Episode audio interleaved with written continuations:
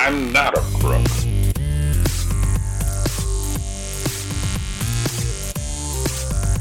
But because they are hard. Welcome to Presidential Deathmatch, the only presidential debates that matter. Today's headlines 20,000 Gold Waters Under the Sea, Alton Parker gets mentioned for the first time in forever, and Get Me to the Church on Time. Today, there is no news, and we're engaging in a Monroe debate because I'm all you've got. All that and more on today's Presidential Deathmatch.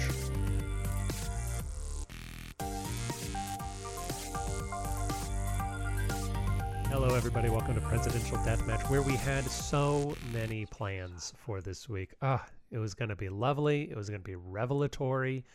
It was going to be exciting and interesting and tie in with current current events, not current events, which is a fruit or a vegetable of some kind. Sadly, all of those plans got scuttled due to eh, poor planning, let's say.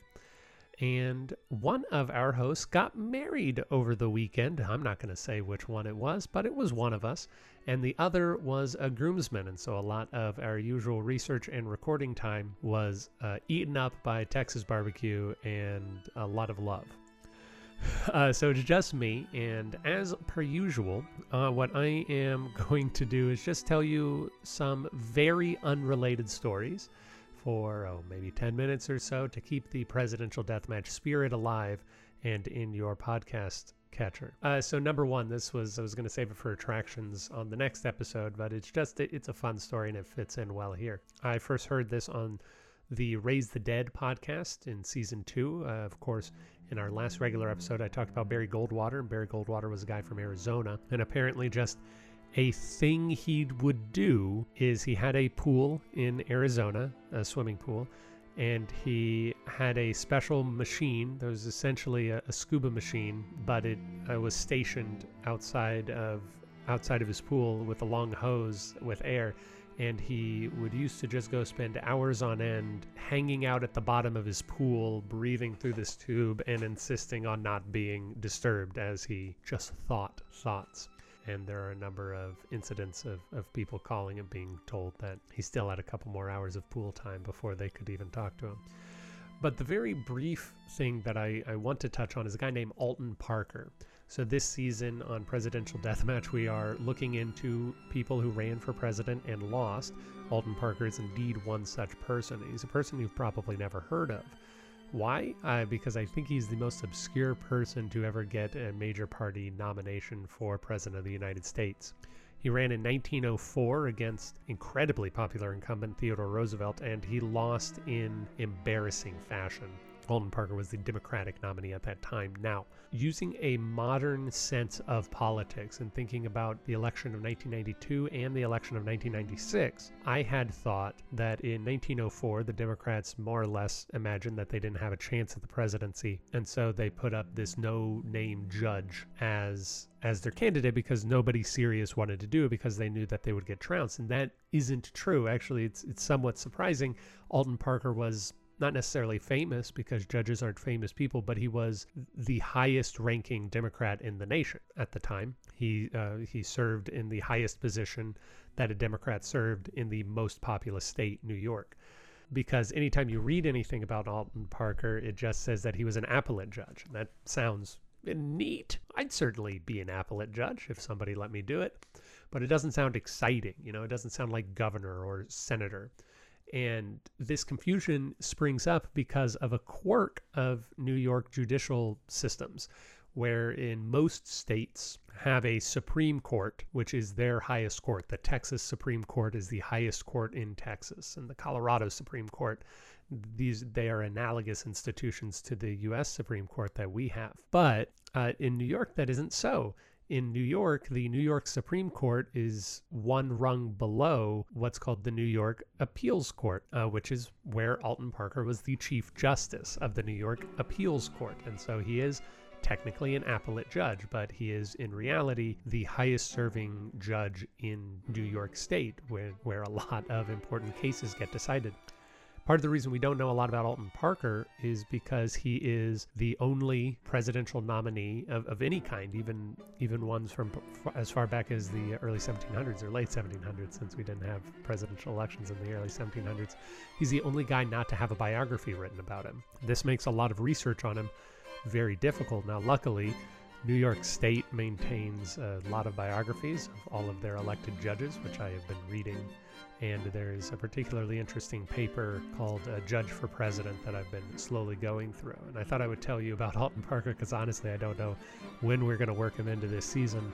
And uh, I sure as hell believe that Dennis wasn't going to go and do this research. But he sounds like a cool guy. In a lot of ways, he has the same career as Grover Cleveland in the sense that he started off very humble and small and he got he won an election and then that election got him more attention so he got won another bigger election Grover Cleveland's case that ended up with him being nominated for president and winning. Alton Parker's case, he was nominated for president and lost, but he seems pretty sanguine about the whole thing. He never, after his loss, he resigns from the court which is a very classy move, by the way. So far, all of the judges who have run for president, all two of them, have resigned from the court during uh, during the the election. Whereas you have people like John McCain and Lyndon Johnson, and I like both of those men quite a lot. But you have those guys who run, and Paul Ryan, even when he was running for vice president, who run for their current seat while also running for president, trying to keep both their feet, trying to keep focused on both elections. But Alton Parker is known as a conservative judge, a conservative Democrat. He is a response to William Jennings Bryan. He's the man who sandwiched, uh, he's the meat of the William Jennings Bryan sandwich. He had four elections William Jennings Bryan, William Jennings Bryan, Alton Parker, head back to William Jennings Bryan. So after two Bryan losses, they thought they would go to the conservative wing of the Democratic Party. They found Alton Parker, highest ranking Democrat in the most populous state in the nation. He ran a very boring campaign, boring and uninspired. Uh, the, the paper I'm reading has a particular. I'm, I'm sad Dennis isn't here, but I'm going to make the joke anyway. Alton Parker's problem was that he didn't run a modern campaign. Wah, wah, wah but he tries to in 1904 run his campaign the way McKinley did in 1896 and what happened with McKinley is he did a front porch campaign McKinley stayed at his home and people would travel to Ohio to hear him speak and he'd speak and Alton Parker thought well I'll do the same thing in upstate New York nobody wanted to come to upstate New York. It was very difficult to get people to come out. And he didn't really find an issue until the final weeks of the campaign, and by then it was too late. But I even more want to talk about one particular case he decided. So he's involved in several really high profile cases, including, I'm going to look this up right now because I know what it's referred to.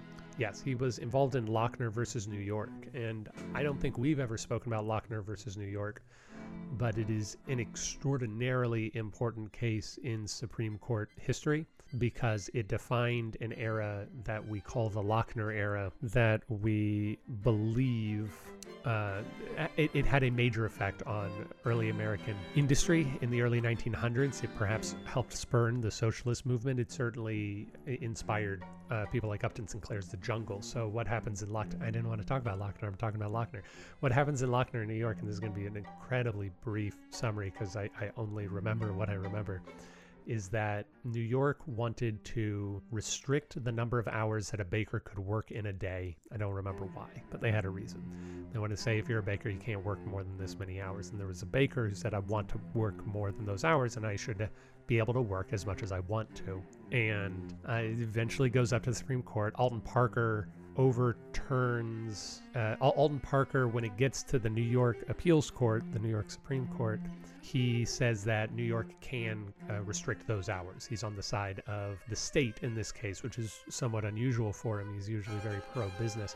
He gets up to the Supreme Court. The Supreme Court overturns it. Uh, the Supreme Court overturns it, and this begins what's called the Lochner era, wherein the Supreme Court, based on this Lochner decision, says that the government can't regulate hours. It can't enforce minimum minimum working hours. It can't enforce a maximum work week, sort of. So the system that we have now in a lot of U.S. states, where if someone works more than 40 hours in a week, they get paid overtime.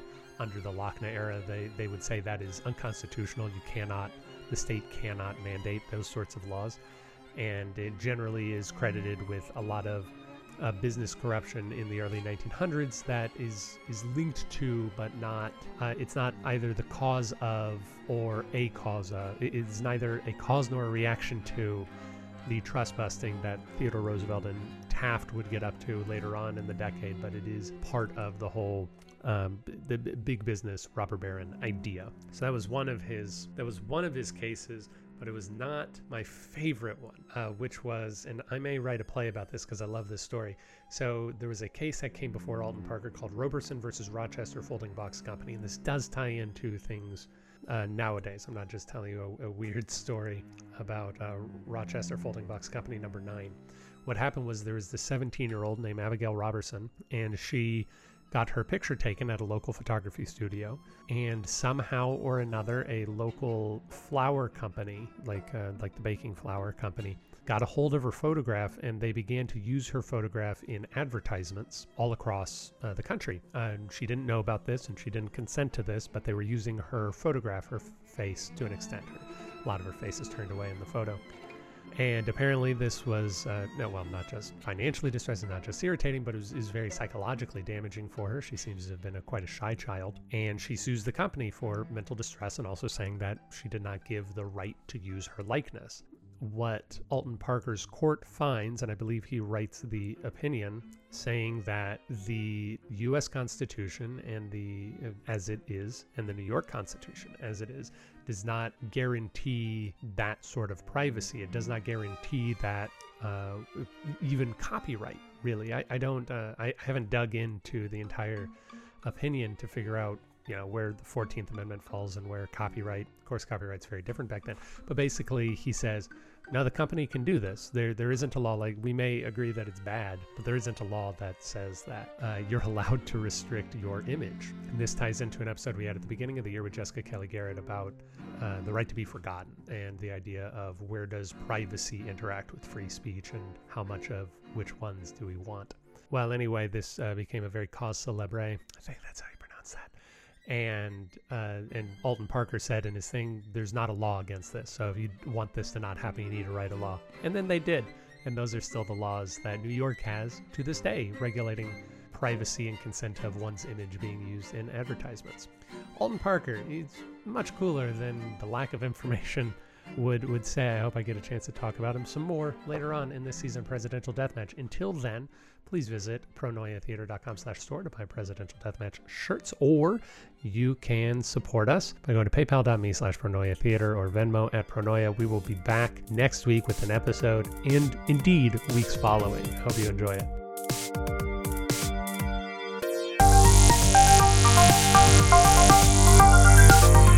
Thank you for listening to Presidential Deathmatch. Presidential Deathmatch is a production of Pronoia Theater. You can find more out about us at pronoiatheater.com. This program was edited by Aaron Garrett with music by Dennis Buddy and hosted by those same two lovable goofballs. You can always email us at contact at pronoiatheater.com. If you enjoyed the program, we ask that you rate and review wherever it is you found us. It really helps us out. And if you didn't like the program, why don't you stick around? We really grow on you.